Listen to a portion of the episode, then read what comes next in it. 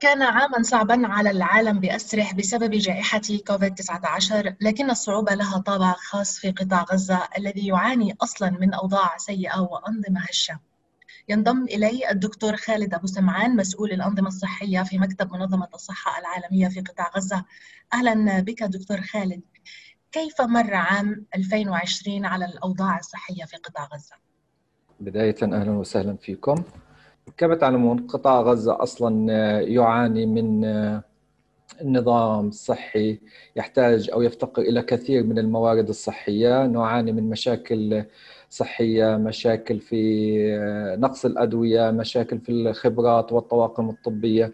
فمع وجود جائحة مثل جائحة كوفيد على هذا القطاع زادت زادت الطين بلة كما يقولون. فكان هناك المزيد من المشاكل سواء ب زيادة الطلب على على النظام الصحي الحكومي بالذات بسبب زيادة الفقر زيادة البطالة كنتيجة للجائحة. عوامل اقتصادية أدت إلى إرهاق النظام الصحي والتأثير على على المؤشرات الصحية إذا جاز أن نقول وكذلك على حجم العمل على المطلوب من القطاع الصحي الحكومي بالذات.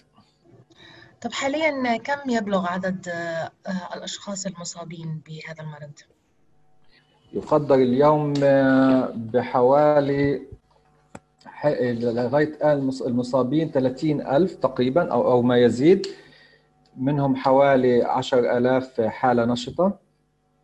آه، تقريبا في منا عندنا اليوم بنحكي عن 364 حالة يلزمها الدخول إلى المستشفيات والعلاج.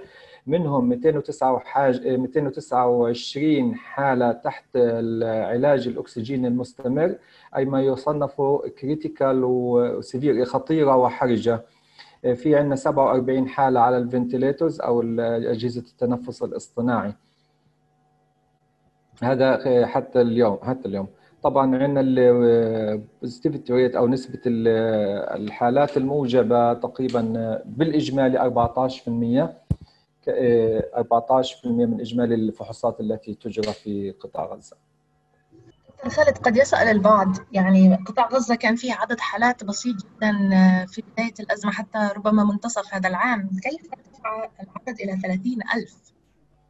تمام إذا إذا نظرنا إلى المنحنى آه، الوبائي في قطاع غزة. لغاية 23 أغسطس لم تسجل أي حالة داخل المجتمع وكان هناك 120 حالة مستوردة أي تدخل من آه، عبر آه، إسرائيل أو عبر جمهورية مصر العربية.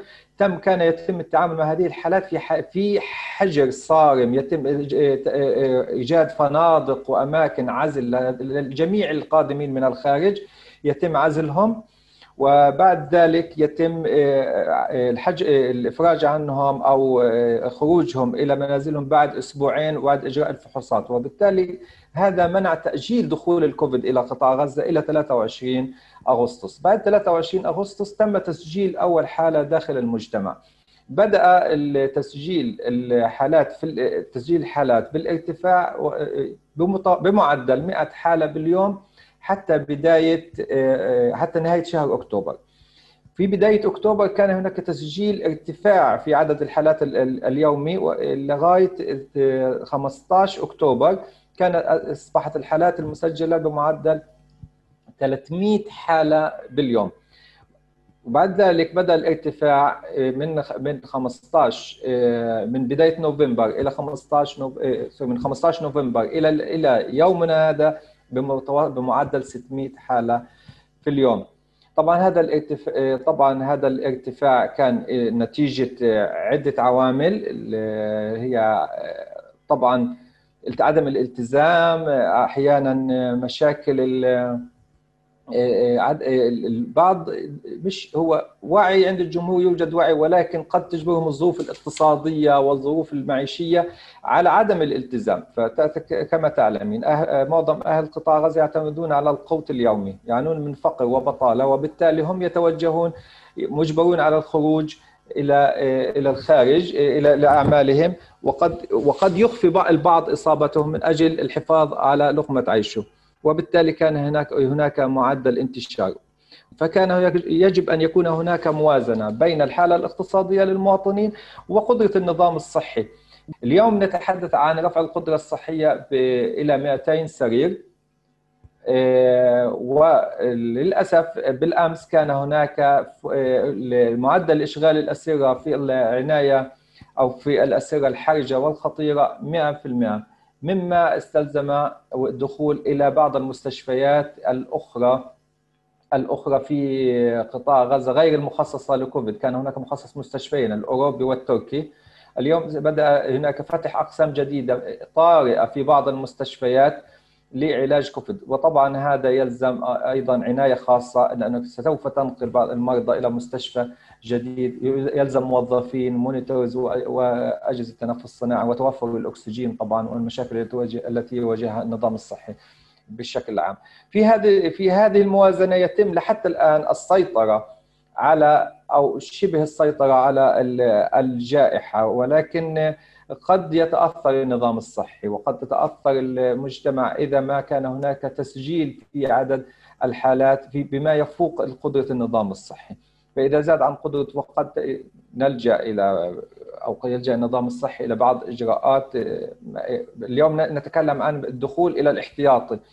فقد يلجأ النظام الصحي إلى وجود أماكن احتياطية أكثر قد يلجأ إلى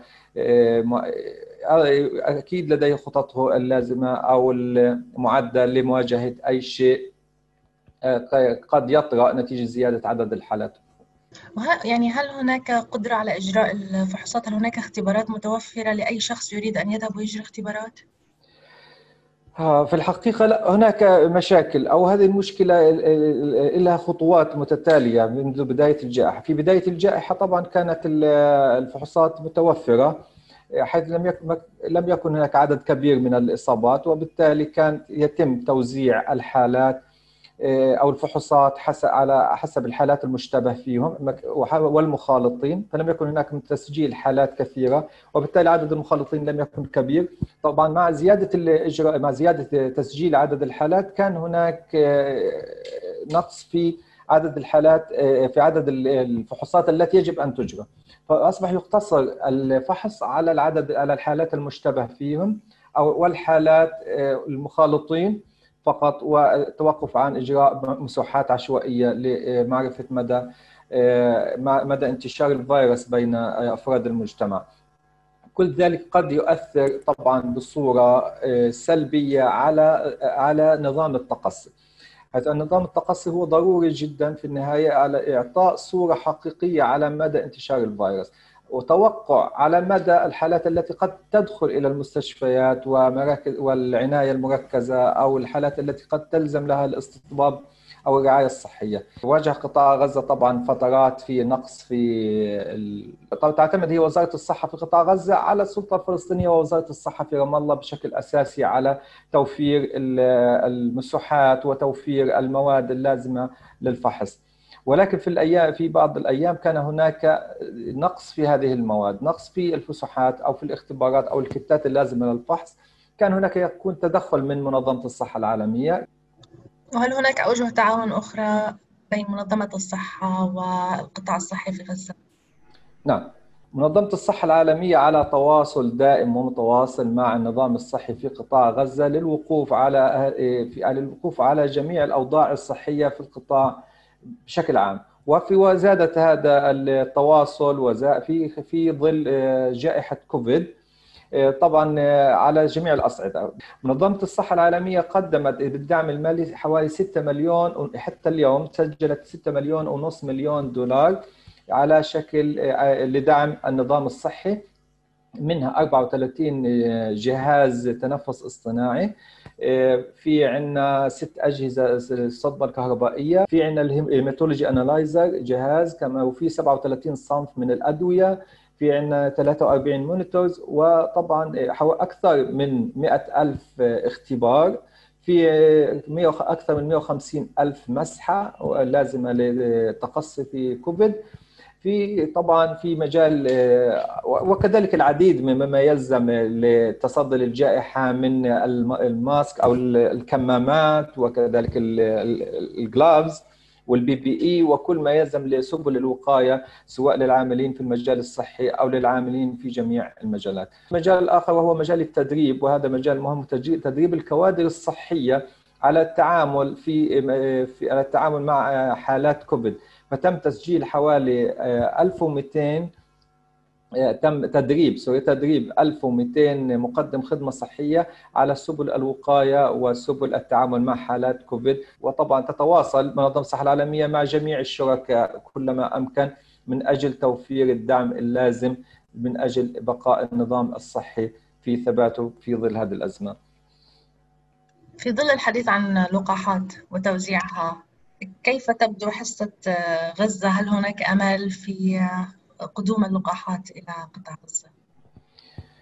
في قدوم اللقاحات لقطاع غزة بالنسبة طبعا وزارة الصحة الفلسطينية والسلطة الفلسطينية لها أنظمتها ولها قوانينها ولها لجانها المختصة وهي معنية بدخول اللقاح للمواطنين الفلسطينيين وفي الوقت وفي أسرع وقت ولكن كما تعلمين هناك يعني تزاحم بين الدول على اللقاح. تزاحم قدرة للإنتاج حسب قدرة المصنعين.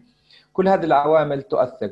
لكن وزارة أعتقد أن السلطة الفلسطينية ووزارة الصحة يقومون بدورهم في توفير ما يلزم. فالاتفاق هناك سوف يتم توفير 40% كما أعلنت وزارة الصحة من اللقاحات للمواطنين الفلسطينيين.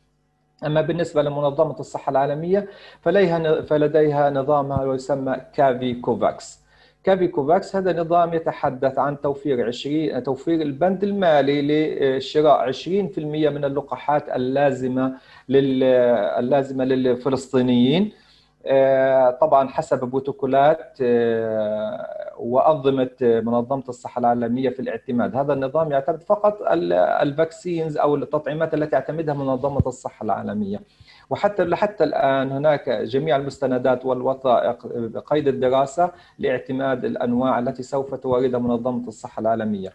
لكن في حال تم توريد 20% من هذه اللقاحات عن طريق منظمة الصحة العالمية و40% من من وزارة الصحة الفلسطينية يصبح له نسبة التغطية للقاحات 60% وهذا يغطي الفئة العمرية من 18 إلى إلى أكثر من 18 عام. وهم الناس الأكثر خطورة وأكثر عرضة لمشاكل كوفيد.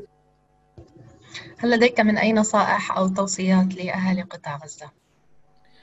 طبعا تبقى نصيحة والتي نواجهها دائما سواء من منظمة الصحة العالمية سواء من النظام الصحي من وزارة الصحة أن يبقى رهان على التصدي لهذه الجائحة. هو المواطن الفلسطيني ووعي ووعيه نحو إجراءات والوقاية والسلامة لمنع وكسر سلسلة تفشي اللقاح. فيجب يعني على المواطنين الالتزام قدر الإمكان بجميع قواعد السلامة سواء بالالتزام في بيوتهم وإذا ما اضطروا للخروج لأي سبب فعليهم الالتزام بالكمامة والتباعد الجسدي واستخدام النظافة الشخصية وكل ما يلزم من أجل التصدي لهذه الجائحة. أشكرك جزيل الشكر الدكتور خالد أبو سمعان كنت مع أخبار الأمم المتحدة